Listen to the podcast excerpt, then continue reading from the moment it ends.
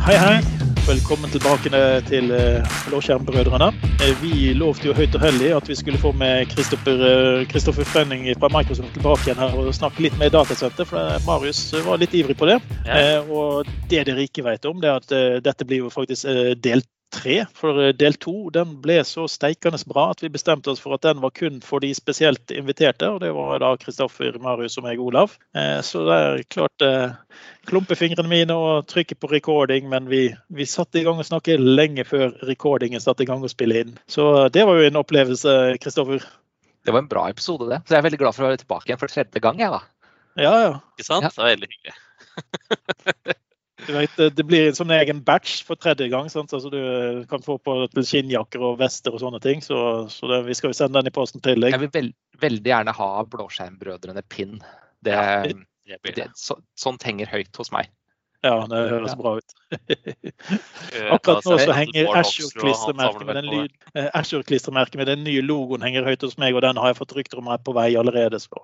Har du, er du på mailinglisten til Maxim? Ja da, jeg fikk en tweet her om at uh, hva var adressen, så nå, nå har jeg skrapt plass på laptopen, så nå er vi klare til vi får eh, den nye logoen på plass. Jeg er veldig, veldig glad i Maxim, men eh, at han aldri gir sånne giveaways til meg, det er jeg ikke så glad i. Han er- prioriterer kunder og partnere så til de grader. Så jeg håper jo at jeg skal få den nye logoen, jeg òg, men jeg, jeg, vet ikke helt. Så lenge vi ikke kan jage ham ned på kontoret, så tror jeg det er, det er tynt, det håpet. Ja, ja, ja. Og det er jo faktisk Asher vi skal snakke videre om, eh, Marius, er det ikke det? Jo da, det er det. Så eh, vi skal ikke snakke om bare ny logo, tenkte vi, men eh, den er fin, da. Den er blitt fin. Så. Vi fikk jo sist, uh, sist episode så snakket vi om veldig mye spennende og gøyt om uh, Azure og, og veldig mye nytt og datasentre og sånne ting. Uh, og det som kom inn av en, en liten kommentar, da, hvis vi skal si det sånn, det var jo det at det var flere som likte den definisjonen på multicloud. For det er veldig fort gjort å tenke at multicloud, ja ja, jeg, jeg kjører jo en applikasjon som blir levert fra en, et annet datasenter. Eh, Derfor har vi multicloud, for vi også har Azure. Men eh, du eh, syns ikke det er en så spesielt god eh, definisjon, Kristoffer? Nei, jeg syns ikke det. Og så sier jeg jo det her litt for å provosere også.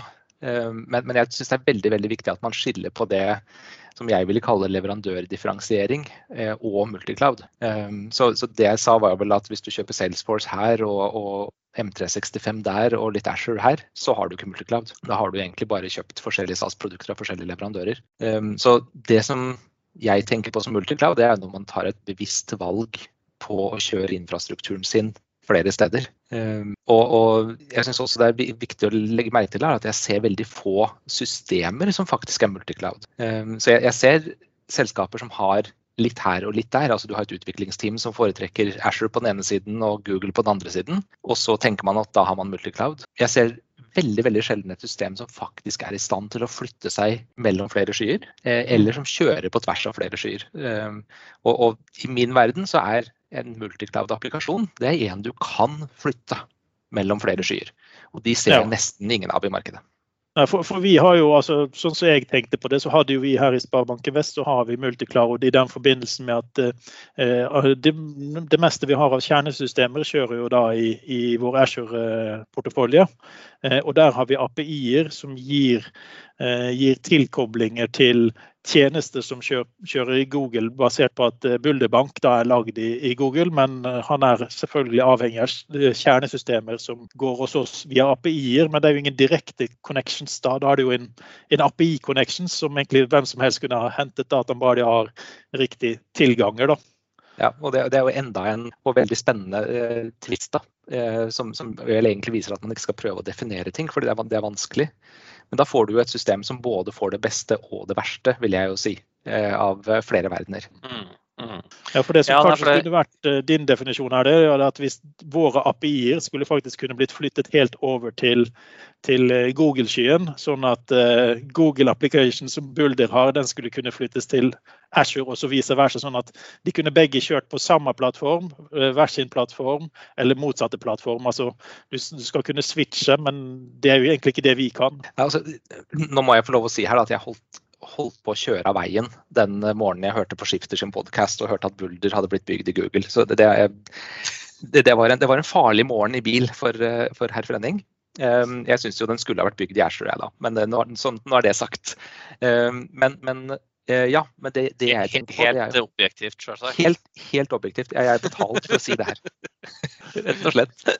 Vi kan jo for øvrig nevne bare som en reklame i siden her at uh, vi har jo hatt uh, podkaster med teamet bak Bulder, så det går an å bla seg tilbake og se på hvordan man bygde opp, bygde opp Bulder. For selv, selv, om plattformen ikke er, folk her er helt enige om plattformen, så var det faktisk, viser det litt av dynamikken med at du kan bruke disse utviklingsverktøyene til å få fram noe som før hadde tatt årevis å få på plass. Det klarte man på måneder istedenfor på, på årevis. Og, og det, er jo, det er derfor vi skal ha sky. Det, det, er jo fordi man skal kunne bevege seg fort. Og, og, veldig ofte så vil man jo i praksis ende opp med å velge det som teamet kan. Noen team velger det de har lyst til å lære.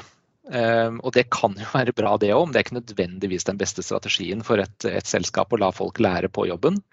Um, men, men, det kan være en ganske bra strategi å la folk jobbe med det de allerede kan, for da kan du flytte deg og få forretningsverdi raskere.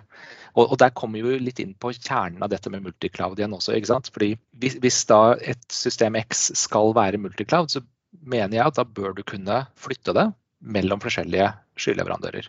Sånn at hvis du finner ut at nå har du ikke lyst til å forhandle med leverandør X lenger, så skal du kunne forhandle med leverandør Y og ta med deg infrastrukturen din over. Og det er jo lettere sagt enn gjort, vil jeg si. Ja, for du... Teorien høres jo helt super ut. ikke sant? Du kan på en måte, ja, du kan forhandle priser. så hva faen altså, Det skal vel noe til før du begynner å forhandle priser med, med alle samtidig. Men, men, i teorien så kan du jo absolutt gjøre det. Og du kan også kunne da på en måte sagt at OK, nå ser vi at eh, VM-pris altså Det er jo noe som er, faktisk er lett å kjøre, eller lett å flytte, da. Men, men nå ser vi at uh, f.eks. Lambda er blitt eh, kjempebillig i AWS, mens Azure Function blir veldig mye dyrere for oss. Så vi har på en måte et, kall det et eller annet hemmelig supersystem som gjør at vi bare kan bruke Lambda som, som motor i stedet. Men problemet er jo at eh, du har jo alle de forskjellige PAS-tjenestene, på en måte cloud native-funksjonene rundt omkring i skyene, som faktisk er det som virkelig gir um, ja, bang for the buck. da. Eh, som det er der det begynner å bli vanskelig ikke sant? Å, å faktisk flytte en tjeneste. Fordi du f.eks. i Azure Function, da skriver du i C-sharp eller PowerShell eller Python eller sånne ting. Da, mens i Lambda har ikke peiling, jeg kan det ikke. Men, eh, men eh, du kan i hvert fall ikke skrive PowerShell. Og da, da må du på en måte tenke hele tida på hvordan skal jeg klare å flytte den applikasjonen senere. Så jeg tror jo at det, det, kompliserer jo veldig mye, i hvert fall sånn som det er, sånn som det er nå. Da. Ja, og Det er jo de tjenestene som gjør at man kan flytte seg fort i skyen. Mm. Så, og det tenker jeg at Hvis man skal flytte det til skyen og så gjøre ting på samme måte som man alltid har gjort det, altså tenke i enheter av virtuelle maskiner, ehm, så ja, du kan få gevinster av å gå til skyen med det. Definitivt. Vi er på et annet sted i dag i forhold til oppetid, i forhold til sikkerhet osv. Men, mm. men de virkelige gevinstene de ligger jo når du får brukt disse passtjenestene. Og, og tenk på Bulder-teamet. De flyttet seg fort fordi de utviklet på en plattform som håndterte masse for dem. ikke sant? Mm. Eh, og dermed så kommer man raskere til forretningsverdi. Og det er det man skal med skyen. For vi, vi har ikke nok mennesker som sitter og jobber med dyp teknisk kompetanse til å løse alle de forretningsutfordringene, ideene, problemene vi har i dag.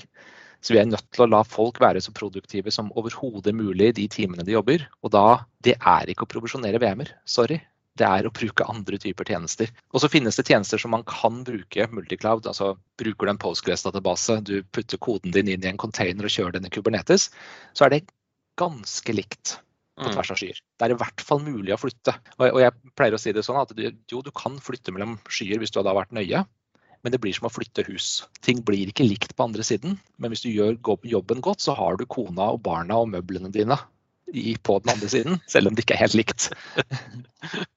det blir litt det du sier med, med, med containere. Og det, tingen er jo det at uh, Containere er litt lettere å flytte, men uh, endgamet for mange vil jo ikke være containere, det vil være serverless. Sant? Og, og, Da snakker du om en helt annen kompleksitet, for da er mye mer av koden som må endres for hver gang du flytter det til en, en ny leverandør. Mm. Ja, og, og, det, det, og, det, her gjelder på en måte hele stacken. ikke sant? Det gjelder jo både type Eh, hvis vi bruker Asher-tjenester som, som eksempel, så Asher Function f.eks., da har, jo, har, du jo på en måte en du, Det er jo compute, det er jo det det er. eh, som, som, kan gjøre litt forskjellig og kalles på litt forskjellige måter. Og så kan de igjen integreres fra alt mulig rart, med f.eks. Logic apps og, for, og, forskjellige mm, websites og, og, den type ting. Og alle, alle, de tingene er jo på en måte da plattformtjenester som i det tilfellet her da må på en måte tilpasses det, det, altså det du dytter inn da, på den plattformen, må jo da tilpasses for å kunne flyttes senere. Og ja, det, det blir vanskelig. Og da må du hele tida tenke sånn type entity framework eller forskjellige kall det abstraksjonslag. da, Sånn at du mm, f.eks. kan bytte ut uh, Azure Cosmos DB med en tilsvarende dokument-DB hos en annen leverandør og, og, sånne ting. Så det er absolutt mulig, men ja, ikke lett. Ja. Altså, det, det, er jo The devil is in the details, heter det vel på engelsk. Um, og ofte så er det jo små små ting da, som velter store lass. Små turer velter store lass på norsk. Um, og spørsmålet er vil man bruke den tiden. Så, så, hvis du ser for deg at du skal ta en stor applikasjon som et titalls mennesker har jobbet på i flere år, og flytte, um, vil du at de menneskene skal gå hver eneste dag og tenke på at vi skal muligens gjøre et flytt en gang i framtiden? Eller har du lyst til å gi dem den friheten at, vet du, hva, denne applikasjonen her kan få lov å bli den? Fordi eh, vi vet at den er tilgjengelig på nettet. Vi kan tilgjengeliggjøre API-er, sånn som vi har snakket om. Um, den, det er godt nok, på en måte. Så her kan vi eh, bare kjøre på. Mm. Men, men, men, vi ser vel også kanskje litt at det er en sånn eh, en liten trend som er i bakkant. Altså hvis, vi, hvis, vi, tenker på streaming av TV-serier, så har vi jo fått Stream, altså den eh, som tilbyr flere eh, streamingtjenester i én pakke. Eh, og vi ser vel gjerne det at eh, verktøy begynner jo å komme kanskje litt med multicloud-tankegang. da, Og da har vi jo ARK som et eksempel. Mm, ja, absolutt. Og, um, og, um, med ark, hva er det vi kan, kan um, få til da, Kristoffer? Ja, det, det, er et spennende tema.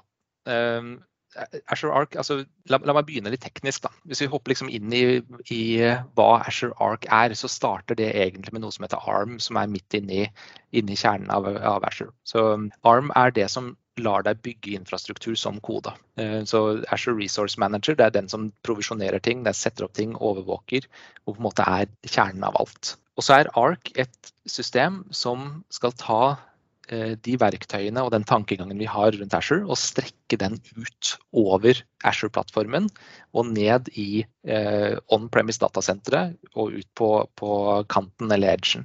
Så teknisk sett det uh, Azure Arc gjør, er å gi en bro mellom uh, da andre uh, typer tjenester, andre typer servere, inn i Azure Resource Manager, sånn at en, fysisk server synes i ARM, og Azure vet at den fins.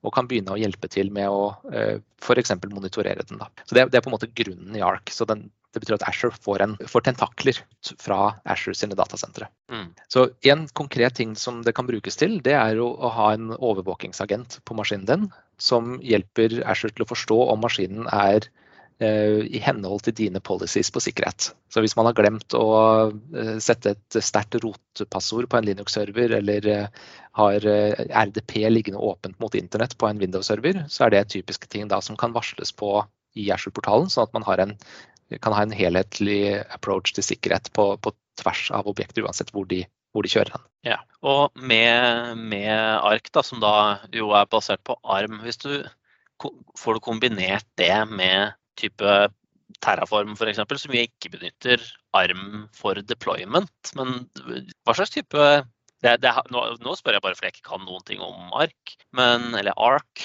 Men, eh, men eh, hva slags type så, grensesnitt er det mot ark, egentlig?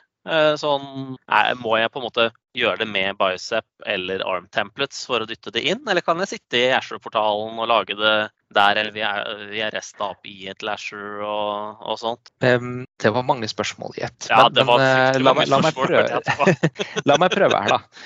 Um, så hvor skal vi starte hen, da? Uh, vi, vi, prøver. ARM, er jo der uansett, så la oss ta mm. Terraform og ARM først. Terraform er jo et abstraksjonslag som eksekverer ting via ARM. Så, så du skriver kode i, i Terraform, og så oversettes det, rett og slett. Men det, du trenger ikke å tenke på det, du skriver ett språk som da teknisk sett ja, Terraform snakker jo med Asher sitt REST-API, som ja. jo for så Altså, som så ARM er, igjen, ligger på en måte bare under alt Asher, ikke sant? Ja, stemmer. Så, men eh, til det konkrete spørsmålet, da, om kan du opprette en ressurs uten det? Ja. Azure Arc ser du i Azure-portalen, og så oppretter du et objekt, og så får du et skript som du kan laste ned på Windows eller Linux-serveren din. Eh, og når det skriptet kjøres, så installerer det en agent som da tar kontakt med Azure og sier 'her er jeg'. Og da er du i gang. Ja. Mm. Og, og type nettverk og den type ting sammen med Arc, da. Og um, for så vidt, eh, hvis du ser på nettverk som liksom både du har et on-prem-nettverk, du har litt Asher-nettverk, og du har kanskje noe, noe nettverk ut mot uh, AVS, da, eksempelvis. Hvordan er det det synes i ARK? Eller, ja? Akkurat nå så synes vel ikke nettverket i ARK. Nei. Um, så, så, maskinene, det er den serveren som meldes inn med ARK, det er den som er ansvarlig for å ta kontakt med Asher, sånn at trafikken går til Asher. Asher Asher snakker ikke til ditt nettverk. Eh, men, men, maskinene rapporterer inn og, og, får beskjed om hva de skal gjøre. Um, så nett, nettverk som objekt er ikke en del av det, da.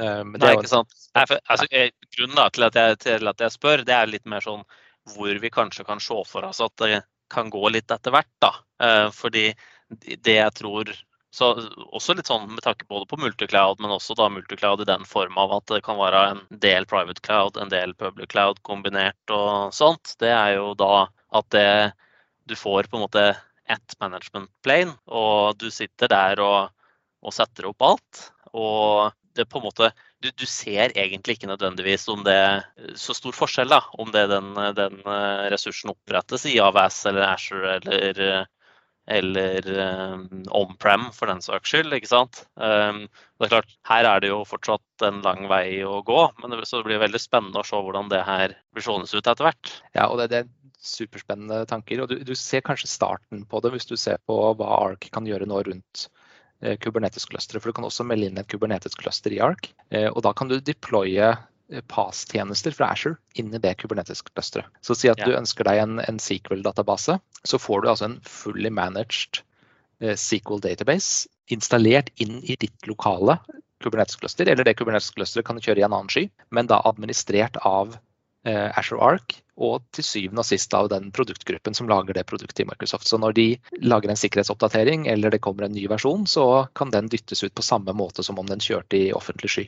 Og det er jo spennende. Det Er spennende. Mm. For da, da, får du eh, tilgang til mer av disse skytjenestene som ligger på et høyere nivå, uansett hvor du har lyst til å kjøre koden din. Eh, mm. og så kommer selvfølgelig kompleksiteter igjen rundt det her, sånn som du nevner med nettverk. Ehm, men, men, det er tydelig at noen sitter og tenker på det her, fordi verden er multicloud, verden er hybrid. Ehm, vi, vi kan ikke eh, skrive applikasjoner for det neste århundret som bare kjører på ett sted. Vi er, vi er, nødt til å ta hensyn til at det skal kjøres på alle typer eh, infrastruktur. Vi skal ha noen komponenter som kjører eh, der hvor brukeren vår er. altså Tenk en klokke eller en mobiltelefon i det nærmeste mobiltårnet med 5G, så man kan gjøre prosessering der og veldig nært der ting faktisk skjer. Du har båter som ikke har eh, konnektivitet når de er ute til, eh, på havet. Eh, og så har vi selvfølgelig lokale datasentre som kanskje er på en fabrikk hvor man trenger ekstrem lav latency for å styre produksjonsutstyr. Og så har du kanskje hovedsystemet ditt kjørende i, i den offentlige skyen. Det, mm. det, eneste jeg tror ikke er med i framtidsbildet, det er det klassiske datarommet som vi har hatt rundt omkring i bedrifter i Norge i dag det tror jeg ikke finnes lenger om noen år. Det kommer til å kjøre public cloud, men alle de andre tilfellene de kommer til å være der og ha infrastruktur som skal sikres, skal gå, skal fungere, og ikke minst gi en opplevelse til applikasjonsutviklere som gjør at de kan være produktive uansett hvor den komponenten de skriver nå, må kjøre hen. Ja, og um, i det tilfellet f.eks. Ja, den fabrikken da, som krever veldig low latency, da har den kanskje en form for, kall det her, er en ferdig boks som har noe innhold, men som f.eks. er en form for Asher Modular Data Center eller lignende. da. Ja, jeg kom over en kunde som har et, liksom et klassisk eksempel på det. Og det, det, er en fabrikk som produserer ris. Um, og de vil jo fjerne dårlige riskorn. De kommer, ikke sant. Så de har en 27 meter lang transportlinje med et stort belte som kjører ut i ris da, som ligger flatt i en hastighet av 13 meter i sekundet. Og når de riskornene da faller ned, så er det eh, bildegjenkjenning som ser forskjellen på et hvitt og et brunt eller et sort riskorn. Og så er det en luftpistol som skyter vekk det kornet. Mm. Um, så det sier seg selv at du kan ikke ta det bildet, laste det opp til skyen, gjøre bildegjenkjenning på det og få resultatet tilbake igjen. Vente på Ashore Cognitive Services. da har det riskornet falt ned. Ja. Jeg ser, eh, ser, det har endret seg ganske heftig i, i forhold til hvordan eh, de første IOT-tingene jeg var borti, så var det en som satte opp en måler for å se om kaffekannen var tom. Sånn at altså, Kaffetrakteren var tom når han målte svarte piksler på kaffekannen, og da fikk han en alert som sa at nå var det bare 0, eh, så og så mange eh, desiliter igjen i kannen, nå må du sette på ny. Sant? Og så kunne han sende beskjeder til den som var kaffeansvarlig. Og jeg ser det en viss forskjell på det å skyte ut et riskorn med en luftpistol, liksom. Ting går fremover. Ja, men han begynner med å utstyre skya med våpen her, så nå Ja, ikke sant? blir Skynet neste.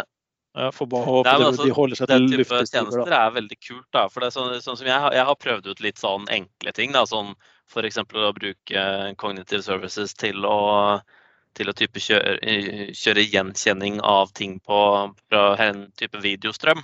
Så f.eks. et webcam hjemme som ser på hvilke biler er det som er, er hjemme. Jo, det er den og den bilen. Da, den, da kan du både gjøre tekstgjenkjenning på på um, skilt, og du kan, kan uh, kjøre type OK, nå er det en lilla bil, eller nå er det en Volvo som har ditt og datt. Det er litt forskjellig på hva slags type, type ting du kan uh, kjenne igjen der. Men, men det sier jo litt om hvor på en måte avanserte ting du kan, kan gjøre med et det er jo et REST-API-kall. Her er hele bildet. Få tilbake masse metadata om hva du finner på bildet. Det er hele greia. Og det er jo helt Eh, helt uh, rått hva du kan få til bare med det. Og når du da kombinerer det med at du må gjøre ting veldig fort, da, så, så får du noen interessante utfordringer. Ja. Dette gjør jo at jeg blir litt sånn skeptisk når jeg tenker på at eh, hvordan nettsider finner ut om jeg er en robot eller ei. Det må vi som jeg kan kjenne igjen trafikklys. Det, det ser ikke ut som den der teknologien der er oppdatert så godt. Det er det vi mennesker gjør best. Ja. Kjenner igjen biler og trafikklys. Ja. Ja, det, det, kan jeg ikke prøve. Å prøve, prøve en sånn uh, captcha-greie og feede den inn mot uh, Cognitive Services. Det hadde vært moro å prøve ut. Captcha mm. har en fantastisk forretningsmodell, for de selger jo de tjenestene her. Ja, ja, ja. Så du sitter jo bare og er robot for dem, ikke sant? og så yes. hjelper de til å trene en AI-algoritme i bakgrunnen som var litt usikker på om dette var en bil eller trafikklys eller en mm. bygning eller noe annet. Så vi hjelper dem. Så, men, men, kognitive tjenester det er jo et eksempel da på en tjeneste som er veldig vanskelig å flytte mellom skyer. Ja. Ikke sant? Fordi uh, det finnes eh, konkurrerende tjenester til Azure Cognitive Services, og de har andre egenskaper enn våre. Mm. AI-modellen er jo utviklet av forskjellige selskaper, trent på forskjellige data, på forskjellige grunnlag, forskjellige prinsipper. Så noen er kanskje gode på én ting, og andre er gode på en annen ting. Um, så det, det ene da tilbake til hvor skal du være hen. Men et fantastisk eksempel på ting du får i skyen som du ikke nødvendigvis har hvis du skal uh, holde deg til en, en, en, klassisk arkitektur med datasenteret ditt på bakken. Da. Selv om nå kan du teknisk sett kjøre Azure Cognitive Services også i containere i et lokalt datasenter eller på Edgen. Det får være en uh, annen historie. Men, men en, av, en, av, de tjenestene som, som uh, forbauser og, og, gleder meg mest, det er jo Form Recognizer. Ja. Som rett og slett kan dytte inn en faktura, uh, og så hjelper du den til å forstå hvordan det skjemaet ser ut, og så vil den fylle inn en strukturert tabell etterpå. Mm. Så tenk på alle som har skjemaer av forskjellige ting i historiske arkiver eller faktisk fortsatt i daglig bruk. Så kan den være med på da å sørge for at man slipper å, å sitte og punche ting. Ser det er jo fantastisk det er nå i, i, i Sparebanken Vest-appen eh, når jeg får en, når en ny og ned får en regning. Det er ikke så mange som kommer lenger nå, men så tar du bare bilde av den. Sant? og Den henter ut KID-nummeret, summen og alt som er viktig. Det er jo utrolig avlastende for brukeren at man kan bruke den type ting. Ja.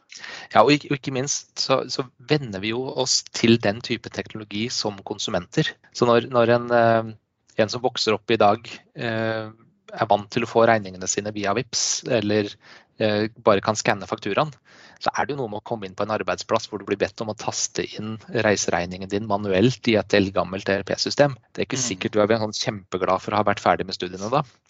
Nei, jeg hadde jo en økt her eh, for ikke så lenge siden hvor eh, firmaet, altså mitt egen, egen firma som jeg hadde i fire års tid, Eh, jeg eh, skulle brenne eh, dokumentasjonen. altså Enten makulere eller brenne makulator på fire års dokumentasjon. Det hadde jeg ikke klart i en makulator. Jeg hadde slitt ut ganske mange på den tiden. Men når jeg så antall permer som ble samlet på én mann sine reiseregninger, Eh, på så kort tid, kontra det jeg gjør i dag, så ser man jo hvordan den digitaliseringen faktisk altså, Du hører fortsatt den spøken med at ja, papirløse samfunn har bare gitt oss mer papir. Ja, det gjorde det i en overgangsperiode, men man ser nå faktisk det at eh, tenk på når du sist sendte inn noe fysiske papirer. Det er ikke ofte det, altså. Nei, Nei det er sjelden. Nå har jeg, nå samboer som uh er sveitsisk. Så vi ser jo en litt annen verden der. Eh, og det er, helt utrolig når man kan sammenligne to land sånn, og så ser man hvor, hvor langt man har kommet til Norge da. Eh, hvor vi kanskje aller aller viktigst har bank-ID, som mm. gir oss en, en single sign-on for alle norske borgere. Altså det, det å, å tenke på hva det åpner for av muligheter, er helt enormt sammenlignet med andre land da, som, er, som, ikke har den samme type sentraliserte infrastrukturen, og som uh, lever i en mer papirbasert verden. Mm. Det, jeg syns det er veldig interessant å se, se det, de rettssakene som har vært nå med Olga-svindelgreiene og, og, den type ting. Da. For jeg, jeg må, må, jo si at jeg syns det er litt sånn skummelt om, om, man skal I de tilfellene da, hvor, hvor for å være rett fram, noe har vært fryktelig uforsiktig med, med bank-ID-en sin, um, og allikevel så, så, dømmes jo da banken til, til å erstatte. Uh, det syns jeg jo er veldig sånn som teknolog problematisk. At, det, at det, hvordan skal da den banken i det hele tatt kunne på en måte ha en sånn type tjeneste som nettbank f.eks. Hvis det, de skal kunne måtte stå til ansvaret til alle typer type handlinger som på en måte gjøres sjøl med en sterk signatur fra den mm. personen. Det er klart, Nå er jeg identitetsmann og veldig interessert i det her, og jeg måtte rante litt rundt det. Men, eh, men eh, jeg ser noen interessante problemstillinger rundt, rundt de rettssakene som har vært nå, i hvert fall.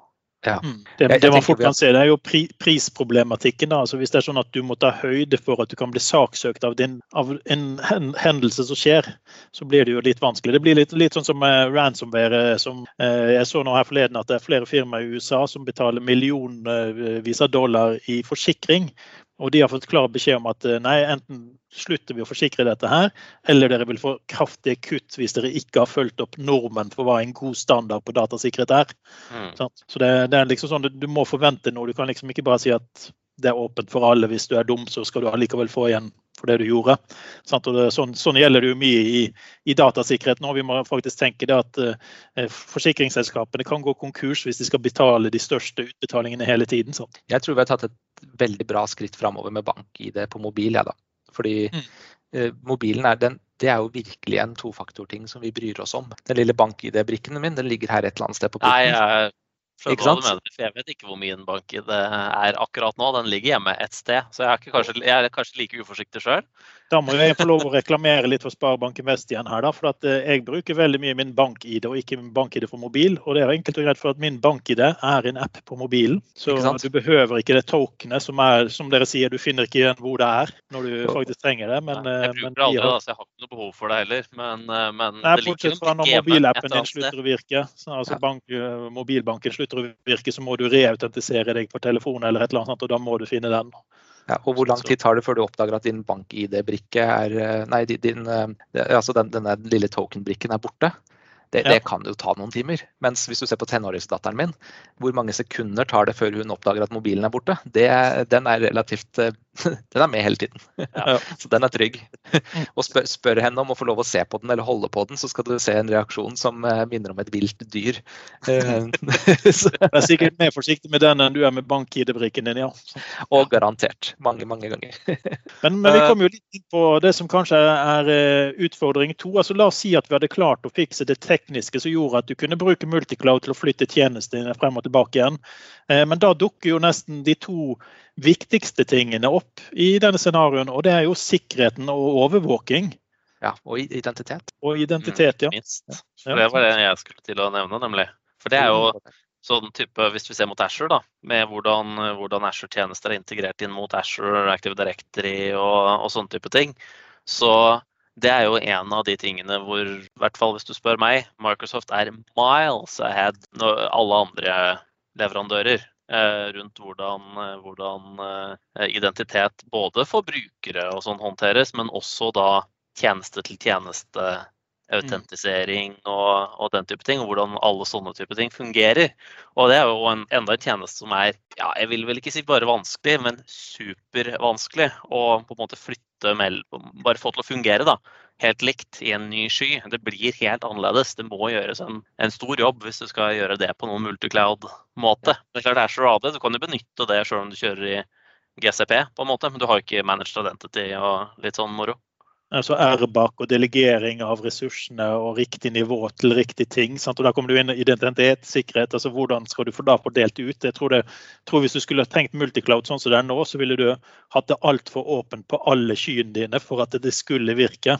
Og da har du plutselig sikkerhetsrisikoen ute og går. Ja, og sik Sikkerhet skal man ikke ta lett på. Punktum. Mm. Um, og, og, eh, og, ta lett på sikkerhet um, kan jo f.eks. være da, å lage flaten sin for eksponering for stor. Så hvis, hvis, du, hvis du, kjenner alle systemene dine i, eh, på detaljnivå, og du vet akkurat hvor de kjører hen, hva som er premissene rundt det, så er du i gang med å sikre systemet ditt. Mm. Jo større du lager det, jo vanskeligere blir det. Så skal du eh, bare det å følge med på nyhetsstrømmen fra én skyleverandør, er en ganske stor jobb. Så hvis du velger å ha da multicloud med to leverandører eller tre leverandører, så, eh, så skal du altså følge med på nyheter, svakheter eh, og, og, og, patching og planer og fikser og alt fra flere mm. steder. og det er spørsmålet vil man, vil man seg selv jeg Så vondt. Jeg sier det rett ut, det er så vondt! Vil man seg selv så vondt, eller kan man ta da et valg og, og minimere flaten sin for å, å rett og slett ja, mm. gjøre det enklere? da? Kan, kan jo fremheve det Cloud App Security som er faktisk en, eh, en god ting der. for uh, gjelder ikke så mye på utvikling i skyen, men altså når vi ser skybruk, så er CloudApp Security veldig bra til å monitorere om dataene dine skulle ligge i Google Cloud istedenfor i Azure. Han skal kunne sende de samme alert og triggers, sette på Eh, information protection og den type ting. Så vi ser jo det er, det er masse som blir gjort for at skyen ikke skal være så viktig. Eh, spesielt på de lettere områdene. Da, og en bruker sin mailbruk mail, bruker sin filer, er jo atskillig lettere enn applikasjoner som går lenger i dybden. Men man ser jo da at tanken med at uh, verden er sånn som den er, at det kommer til å være flere leverandører. Det, ikke, det, det blir, det blir opprettet veldig mange nye skyleverandører, men jeg tviler vel kanskje på at vi kommer til å ha alle uh, i stor skala uh, fremover. Det er vel ikke plass til 10-20-30 forskjellige leverandører når vi tenker hvor store datasentre som eksisterer for at dette skal være effektivt. Nei, nei, definitivt ikke. Det er i hvert fall ikke plass til 10 eller 20. Eh, og så Hvis man kikker på en del års perspektiv, så tror jeg at man skal Jeg tror, jeg tror vi rett og slett må tenke på om det er plass til to, tre eller fire også.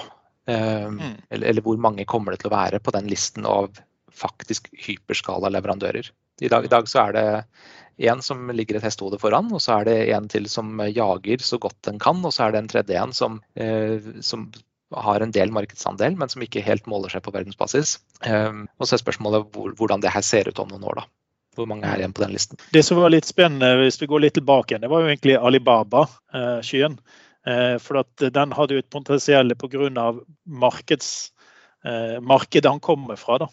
Men eh, det har jo vært veldig lite vi har sett at det har eh, gått ut i verden eh, i, forhold til de tre andre store. Da. Så, så var det i hvert fall det var en god del spenning på, på et par år tilbake på om når de prøvde å pushe seg ut i verden, ville de klare det. Men vi ser jo det at det er veldig vanskelig å komme seg ut uten å ha infrastrukturen med datasentre overalt. Nå var det vel var ikke det Dublin som skulle få noen flere datasentre nå fremover? Det, det utvides ganske mye i hele Europa. Um, mm. Jeg husker ikke farten nå, men, det, men antall megawatt som skal utvides i Europa er, er ganske betydelig de neste fem årene. Mm. Og så kommer det jo den der eh, lovnaden at eh, så lenge du er innenfor EU, så skal dataene dine lagres innenfor EU og ikke over på andre datasentre. Det, det, er den typen tjeneste man må vite at det er på plass i disse, i disse tider. Ja, og det, det, nå har vi jo hatt en, eh, si en ganske turbulent periode rundt Schrems. Det har vært Mm. mye usikkerhet. Um, veldig mange selskaper har måttet gå tilbake i tenkeboksen og dra med seg både jurister og teknologer inn i, i samme rom for å prøve å forstå hva det her faktisk betyr for dem. Um, av de kundene som, uh, som jeg har oversikt over, så har mange kommet ut igjen og har konkludert. Mange har satt i gang prosjektene sine igjen. Andre er fortsatt litt i tenkeboksen, og, og vi, er ikke, vi, vi er ikke 100 ut av det her. For det er et vanskelig farvann for mange å navigere, og, og man må ta stilling til ting på ofte styrenivå da, i bedrifter som man kanskje ikke har måttet måtte forholde seg til like tydelig før. Så det, Den prosessen må nesten alle sammen gjennom. Men vi har fått veldig veldig bra tilbakemelding nå på eh, de siste annonseringene som Microsoft har kommet med, på at vi har forstått hva markedet sier. Vi skjønner at man vil ha data, og ikke bare data, men også metadata i Europa. Eh, og, og, på en måte sette klare mål nå da for hva som skal skje. Både prinsipielt, men også teknologisk. For det her må jo, dette er ikke noe man bare kan si, dette er ikke, dette er ikke noe som bare går inn i en kontrakt. Det her må gjennom eh, hundrevis av produktgrupper og tusenvis på tusenvis av utviklere som skal, eh, skal tilpasse tjenestene sine for at vi da skal være, eh, være i henhold til det her. Så Mm. prosessen er i gang, og det, er, det har skjedd mye allerede. Og uh, mer er på vei. Så det, det, er, det, det, har låst opp veldig mye. Så det, det syns jeg er, en, et, det er et godt sted å være nå i forhold til Schrems, i forhold til hvor vi var for noen måneder tilbake. Ja, Ja, for jeg ser, vi, vi har faktisk sett... et eh, EU Data Boundary-announcementen, holdt på å si. Eh, Noen program som nå skal være med, ferdig med i ja, i løpet av slutten av 2022, står det. Jeg måtte bare sjekke på sida her. Så, så Jeg vi har hatt et sånt ganske relevant problem i den eh, scenarioet der. For at vi har et system hvor vi kan, eller vurdere et system hvor vi kan få ligge dataen der vi vil ha det, nemlig en Azure Blob. Eh, Men problemet er at managementsystemene ligger i en annen leverandør. Sånn at metadata havner utafor den Azure-blobben som vi nå kunne ha sagt at jepp, den er nå endelig jipp, eh, nå er han europeisk og garantert europeisk. Men så plutselig har du da en, en metadata collection fra en annen leverandør som da ikke garan kan garantere det samme.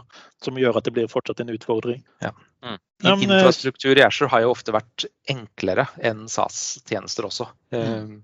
Så fordi setter du opp en server, så vet du stort sett hvor ting er. Eh, Det er, det er jo når du har mer komplekse produkter eh, og også da globale tjenester. Eh, Men, som man også er avhengig av. Da.